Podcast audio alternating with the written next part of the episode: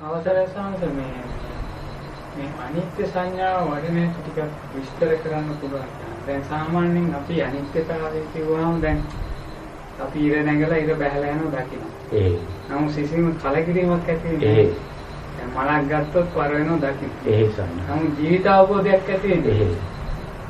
මීට වඩා මේ දැන් මේ ගැඹුරට වඩා ගැඹුරු අනිත්‍යතාවයක් දැකිය යුතු නිසා ඒ ඒක කොහොමද උපදවගන්නේ? කියන්නේ දැන් කියනවනේ මේ පඤ්ඤා හෝති උද්‍යත්ත ගාමිනිය. පඤ්ඤාය අරියන් වේදිකාය සම්මා දුක්ඛක්ඛේ. එහෙම ඒ කියන මේ මේ කියන අනිත්‍යතාවය කොහොමද එහෙමයි. උපදවගන්නේ කොහොමද. දිනු කරන්නේ? එහෙම ඒක සවිනාස මම්මතු කරගත්තේ රූපේ අනිත්‍යභාවය දක්වමින්. මොකද මගේ ගිහි ජීවිතයක් තිබ්බා. මං ගිහි ජීවිතේ බලාපොරොත්තු වෙච්ච ගොඩාක් දේවල් තිබ්බා.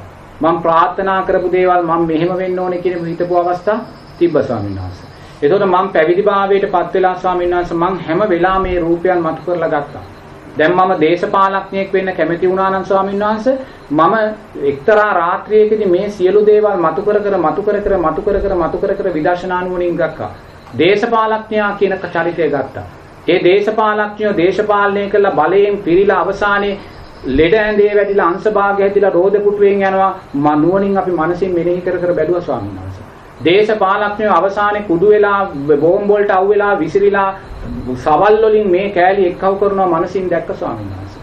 දේශපාලනය කරලා අවසානයේදී පරාද වෙලා අඬනවා කඳුළු හලනවා ලෙඩ වෙනවා මැරෙනවා අපි මනසින් බැලුවා ස්වාමීන් වහන්සේ.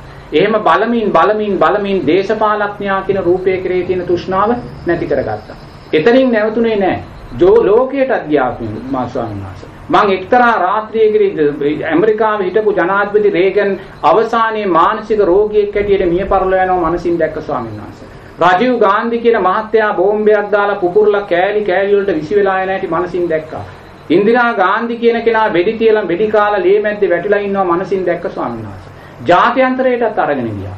ඊට පස්සේ ව්‍යාපාර ශේෂ්ත්‍රය කියන දේ නුවණින් ගත්තා. ඒ ව්‍යාපාර ශේෂ්ත්‍රය තුල කෝටිපති ප්‍රකෝටිපති ව්‍යාපාරිකයන් විදින සම්පත් විදින සැපේ මනසින් දැක්කා. දැකලා ඒ ව්‍යාපාර බංකොලොත් වෙලා ඒගොල්ලෝ මැ- දු- දුකටපත් වෙලා අඬනවා මනසින් දැක්කා. ඒ ව්‍යාපාර උපාදානය කරගෙන මැරිලා අවසානයේ සතර අපායේ දුක් විඳිනවා මනසින් දැක්ක ස්වාමීන් වහන්සේ. දකමින් ඊට පස්සේ ජාත්‍යන්තරයට ඒ හිත අරන් ගියා. ජාත්‍යන්තරයේ ප්‍රෝටිපති ප්‍රකෝටිපති ව්‍යාපාරිකයන් අන්ත දුප්පත් භාවයට පත් වෙලා අවසානයේ මැරෙනවා නුවණින් දැක්කා. මේ විදිහට මේ හැම රූපයක්ම මතු කරගනිමින් මතු කරගනිමින් මතු කරගනිමින් විදර්ශනා නුවණ සකස් කරගත්ත ස්වාමීන් වහන්සේ. පන්සල් වල නායක ස්වාමීන් වහන්සේලා මහානායක ස්වාමීන් වහන්සේලා ඒ දේවල් උපාදානය කරගෙන ඉන්නවා මනසින් දැක්කා. ඒ උපාදානයන් නිසා ඒගොල්ලන්පත් වෙන්නා වූ අපහසුතාවයන් පත් වෙන්නා වූ ප්‍රශ්න පිළිබඳ නුවණින් මෙනෙහි කරගත්තා. තොරමින් මනුස්ස ලෝකයේ තුල තියෙනා වූ සියලුම උපාදානයන් කෙරේ කැමැත්ත කෙරේ තියෙන තෘෂ්ණාව අඩු කරගත්තා පින් මහත් ස්වාමීන් වහන්සේ. කරමින් නැවත නැවත නැවත නැවත යොමු- නුවණින් මෙනෙහි කර කර බැලුවා. තවත් මේ මනුෂ්‍ය ලෝකයේ කෙරේ තු- තියෙන තෘෂ්ණාවක් තියනවාද කියලා. මොකද ඉඟි ඉන්දිකටු තුඩක තරම් තෘෂ්ණාවක් යම් තැනක තිබ්බනම් ඒ ඉන්දිකටු තුඩක ප්‍රමාණය ප්‍රමාණවත් විඥානය එතන බැස ගන්න. ඒ නිසා ඉන්දිකටු තුඩකවත් තු- තෘෂ්ණාවක් තියනවාද කියලා නුවණින් මෙනෙහි කළා ස්වාමීන් වහන්සේ. මේ ලෝකේ රජකම ගත්තත් ඒ රජතුරුවොත් අනිත්‍ය ජාති ජරා ව්‍යාධි මරණ වලට ලක් වෙලා බියෙන් ජීවත් වෙන හැටි මනසින් දැක්කා.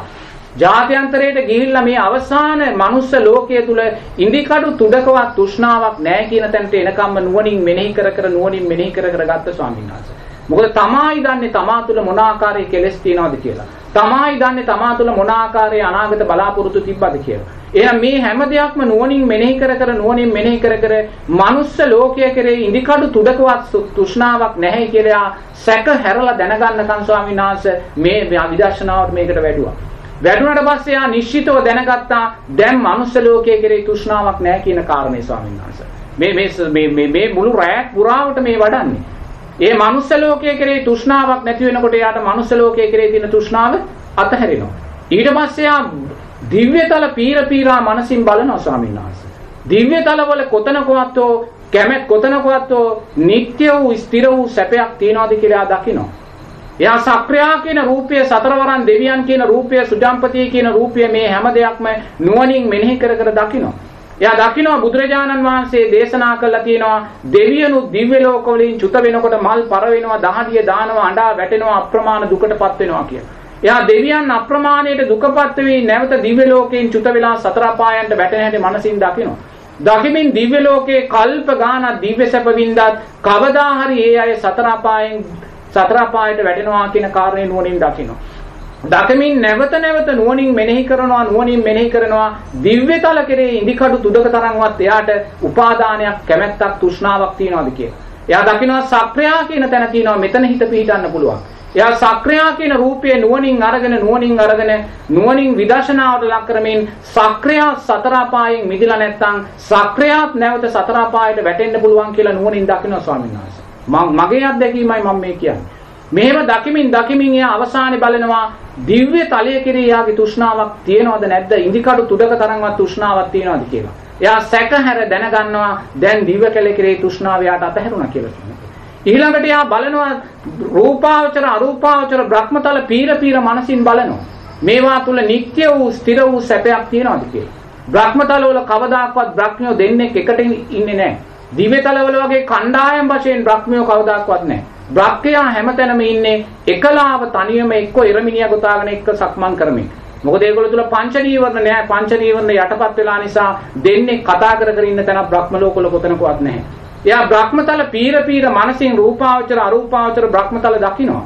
දකිමින් එයා අවසානයේ දකිනවා මේ රූපාවචර අරූපාවචර බ්‍රහ්මතල වල ඉන්න බ්‍රහ්මයෝත් මේ බ්‍රහ්මතල වලින් චුත වෙලා නැවත සතර අපායන්ට වැටෙනවා කියලා. එයා සතර අපායන්ට වැටෙන බ්‍රහ්මයන් නුවණින් මනසින් දකිනවා.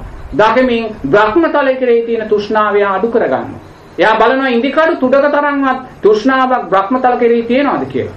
එයා දකිනවා මහා බ්‍රහ්මයා කියලා කෙනෙක් ඉන්නවා කියලා. එයා නුවණින් මෙනෙහි කර කර මහා බ්‍රහ්මයා කියන රූපයේ විදර්ශනාවට ලක් කරනවා. එයා දකිනවා මහා බ්‍රහ්මයා සතර අපායේ මිදිලා නැත්නම් මහා බ්‍රහ්මයා තායිම සතර අපායට වැටෙනවා කියන කාරණේ ස්වාමීන් වහන්සේ. දකිමින් මේ අවසාන කැමැත්තත් බ්‍රහ්මතලයේ තියෙන කෙරෙහි විදර්ශනාවට එයා ලක් කරනවා. එහෙනම් අවසානයේදී මොකද්ද වෙන්නේ? මනුස්ස ලෝකයේ කෙරෙහි තියෙන තෘෂ්ණාවත්, දිව්‍යතල, බ්‍රහ්මතල කෙරෙහි තිබුණු තෘෂ්ණාවත් තුරුනේ හිඳුන තැන හිත පිහිටන්නේ නිවනේ කියලා බුදුරජාණන් වහන්සේ දේශනා ස්වාමීන් වහන්සේ. ඉතින් අනිත්‍යයි කියන සංඥාව මාතුලින් මම බැලුවේ ඔය ආකාරයෙන් ස්වාමීන් වහන්සේ. මොකද අනිත්‍ය කියලා කියන්නේ ඒකද? අනිත්‍ය චේතෝ සමාධිය කියලා. අනිත්‍ය ඒක වචනෙන් කියන එකක් නම් දන්නේ මගේ මගේ ජීවිතේ මං වඩලා තෘෂ්ණාව තෘෂ්ණාව කියන කාරණේ හීන කරගත්තේ රූපය ඔය ආකාරයෙන් අරගෙන. මොකද මම කැමති දේ මම දන්න දේ මගේ ස්වභාවය මං එකයි. තව කෙනෙක්ගේ ස්වාමීන් වහන්සේ නමක්ගේ කැමැත්ත තව කෙනෙක් එකක් වෙන්න පුළුවන්. එතකොට ඒ තමා තුළ තියෙන දේ තමා මතු කර කර මතු කර කර විදර්ශනා නුවණින් දකිමින් ඒවා සමාජයත් එක්ක ලෝකයේත් එක්ක බද්ධ කර දමින් ඒවා කෙරේ තියෙන තෘෂ්ණාවෙන් අපි මිදෙන්න එහෙම සානත් කියන්නේ මේ මේ හිතට එන එන හැම අරමුණක්ම අතහැරියයි කියන අර්ථය වගේ. නෑ මෙතනින් මතු කර කර ගන්න ස්වාමීන් වහන්සේ මේකෙදි. මේකෙදි මතු කර කර මතු කර කර ඒ රූප ගන්න ඕනේ. මතු කරමින් මතු කරමින් මතු කරමින් මතු කරමින් සමාහට මේක මුළු රැයක් පුරා වෙන්නත් පුළුවන්. මතු කරමින් නින්දක් නැහැ. නින්දක් කියන කාරණේ එදාට ජීවිතේට අදාළ නැහැ. ජීවිතේට වටිනා නින්ද කියන කාරණේ අත්‍යවශ්‍ය නැහැ. මොකද එයා සංසාර බය පිළිබඳව සංසාරය පිළිබඳ දැඩි කලකිරීමකින් ඉන්නේ.